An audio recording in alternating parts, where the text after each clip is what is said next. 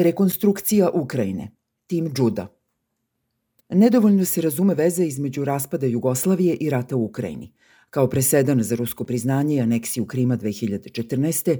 i delova istočne Ukrajine prošle godine, Vladimir Putin i njegovi saveznici često se pozivaju na slučaj Kosova, nekadašnje južne srpske pokrajine koja je 2008. proglasila nezavisnost.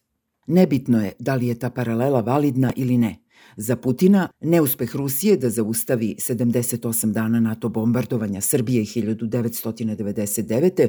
nakon što su stotine hiljada etničkih Albanaca izbegle pred srpskim snagama tokom sukoba sa gerilcima kosovskih Albanaca označuje dno ruskog postsovjetskog kolapsa i poniženja. Pozivanje na slučaj Kosova kao opravdanja svojih postupaka sirovi oblik geopolitičke pakosti, ali razmišljajući o budućnosti Ukrajine, Stalno se vraćam na posleratnu sudbinu Bosne i Hercegovine, o kojoj sam prošlog juna razgovarao sa Lidom Vračić, bosanskom analitičarkom. Bili smo na Jadranskom ostrvu Cresu. Snimio sam našu diskusiju i dok je ponovo preslušavam, čujem kako more nežno pljuska duž obale i prijatelje koji nam dovikuju u prolazu.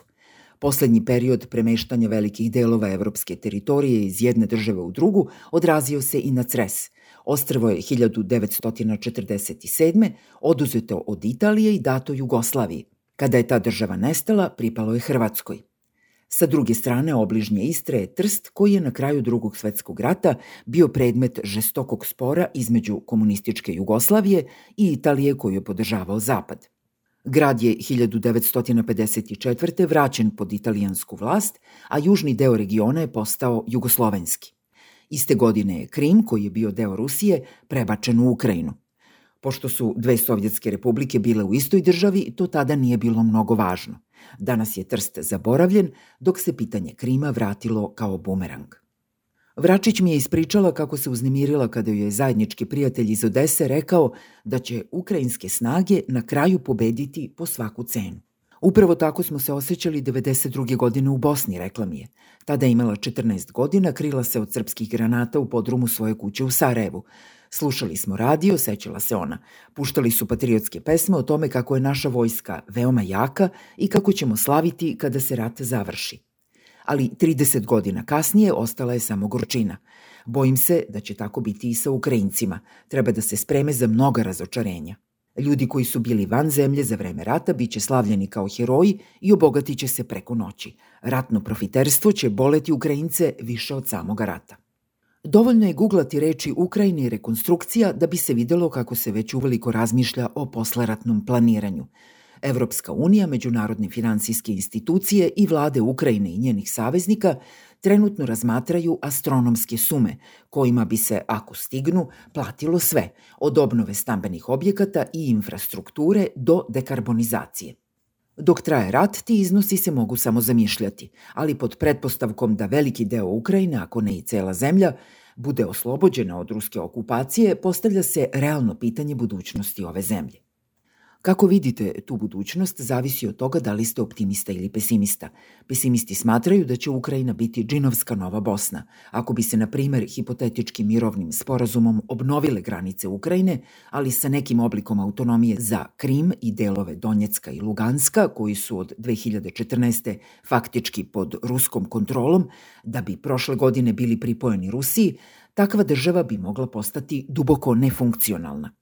To je ono što se dogodilo u Bosni, gde decentralizacija i stalne pretnje secesijom regiona pod srpskom kontrolom otežavaju, a ponekad i onemogućavaju osnovne usluge građanima u zemlji kojom rukovodi 14 različitih vlada stvorenih na osnovu sporazuma u Dejtonu, kojim je 95. godine okončan rat u Bosni. Svake godine stanovništvo Bosne se smanjuje i stari, što je trend koji je Ukrajini već bio u toku pre ruske invazije. U ovom trenutku, međutim, Ukrajinci su većinom optimisti ohrabreni izuzetnim pobedama svoje vojske, koja je proterala ruske snage sa pola teritorija koje su one zauzele u proleće. Ponovo na moru u novembru, ovoga puta u Odesi, sedeo sam u restoranu sa Igorom Tkačukom, zamenikom načelnika regionalne administracije. Može se šetati plažom, ali je kupanje zabranjeno – Letos je usled kršenja zabrane bilo poginulih jer su aktivirali mine postavljene u slučaju napada ruske mornarice. Tokom prethodna dva dana struje uglavnom nije bilo. To je prvi produženi prekid snabdevanja u Odesi od početka invazije. Tkačuk mi je pričao o planovima za evakuaciju dece i ugroženih u slučaju da rakete toliko oštete regionalne sisteme za struju, grejanje i vodu, da normalan život više ne bude moguć. Kada sam ga pitao koliko bi koštala sanacija štete koja je već nastala u Odesi, rekao je da ne zna. Štetu ćemo proceniti posle pobede. Ruski projektili naneće mnogo više štete kritičnoj infrastrukturi Odese u nedeljama posle našeg razgovora. Zatim je, tačno onim rečima koje su zabrinule Alidu Vračić, rekao da je doživeo otkrovenje kada je nestalo struje. Bio sam u supermarketu kada sam shvatio da smo nepobedivi. Ljudi su ostali nasmešeni i mirni i nije bilo panike. Na drugom kraju grada sreo sam Olgu Belenko, vlasnicu kafea Atelje preko puta sajma knjiga. Prozori su bili zatvoreni daskama kako bi se posetioci, od kojih su mnogi radili na svojim laptopovima jer kod kuće nemaju struje, zaštitili od razbijenog stakla u slučaju raketnog udara. Ispričala mi je da je zatvorila kafić kada je počela invazija i pobegla u Španiju. Tri nedelje kasnije rekla je svojim radnicima da ga ponovo otvore i vratila se kući. Učinila je to jer se osjećala odgovornom za sve one koji su radili za nju. Potreban im je novac za život. Od 30 zaposlenih pre invazije ostalo ih je 20. Dvojica su otišli u vojsku, a osmoro je napustilo zemlju. Broj posetilaca se vratio na predratni nivo, ali je prihod za 35% manji zbog inflacije, koja je prošlog meseca iznosila 26,6%. Belenko mi je rekla da radi na novoj poslovnoj ideji. Sušena hrana slična vojničkim obrocima, ali pripremljena tako da bude ukusna. Ovo je naša realnost, rekla je. Ne možemo stati. Potrebne su nam nove ideje. Ne možemo samo da sedimo i čekamo pomoć.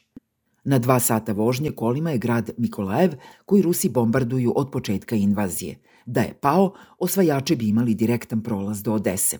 Međutim, potisnuti su kada su ukrajinske snage u novembru ponovo zauzele obližnji Herson. U Mikolajevu su ljudi vukli velike kante za vodu koju su punili iz cisterni ili kupovali od privatnih dobavljača. Granatiranje oštetilo gradski vodovod. Inženjeri su uspeli da ga održa u pogonu tako što su u sistem preusmerili bljutavu slankastu vodu koja se ne može piti i koja korodira cevi. Na sve strane su procurele, ali je to održalo grad na nogama.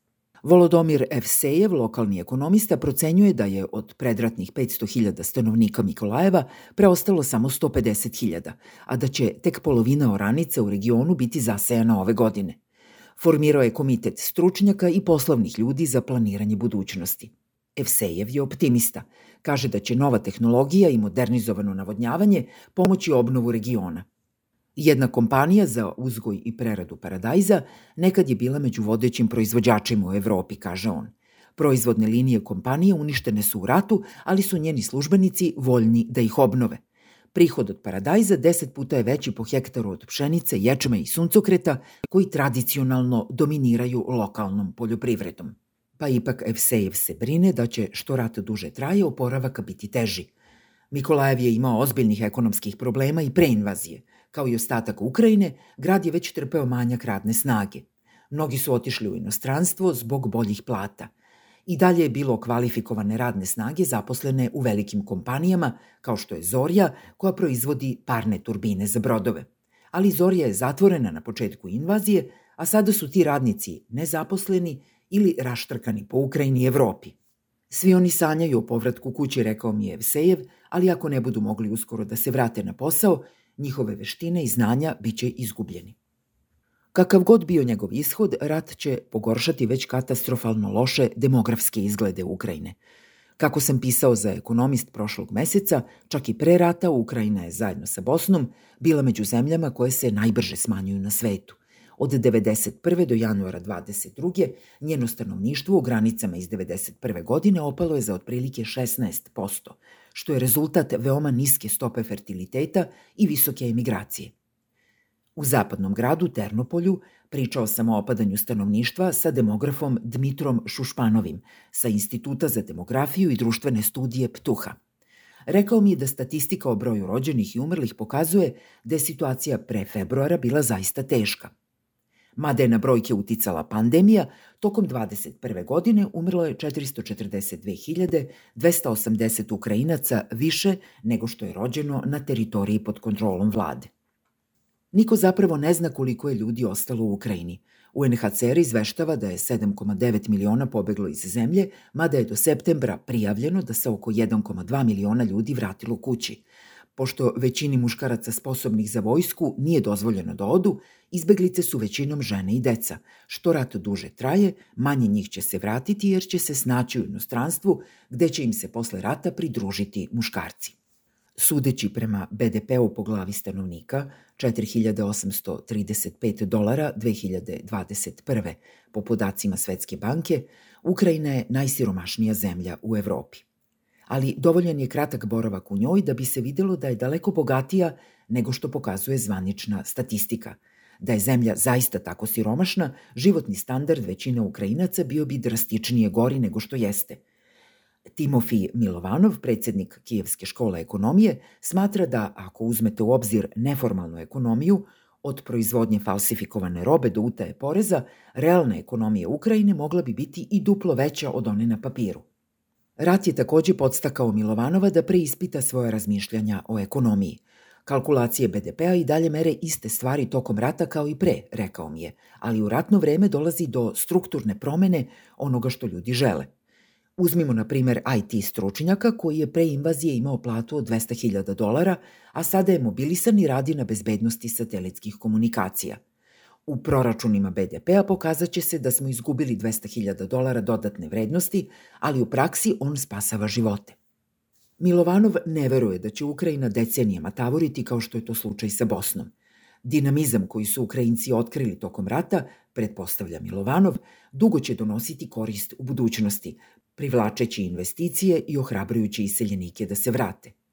Moć predratnih oligarha je u zastoju i zemlja već ima visoko diversifikovanu ekonomiju, čija je snaga u poljoprivredi, tehnologiji, čeliku i nekoliko drugih sektora.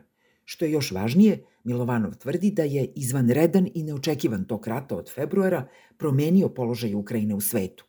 Ranije se na nju gledalo kao na siromašnu zemlju, korumpiranu, izmučenu, zarobljenu oligarsima i na stalnoj meti Rusije – Sada je to zemlja pobednica, zemlja otpora, snage i izuzetnog herojstva. Ukrajina je postala međunarodno priznati brend.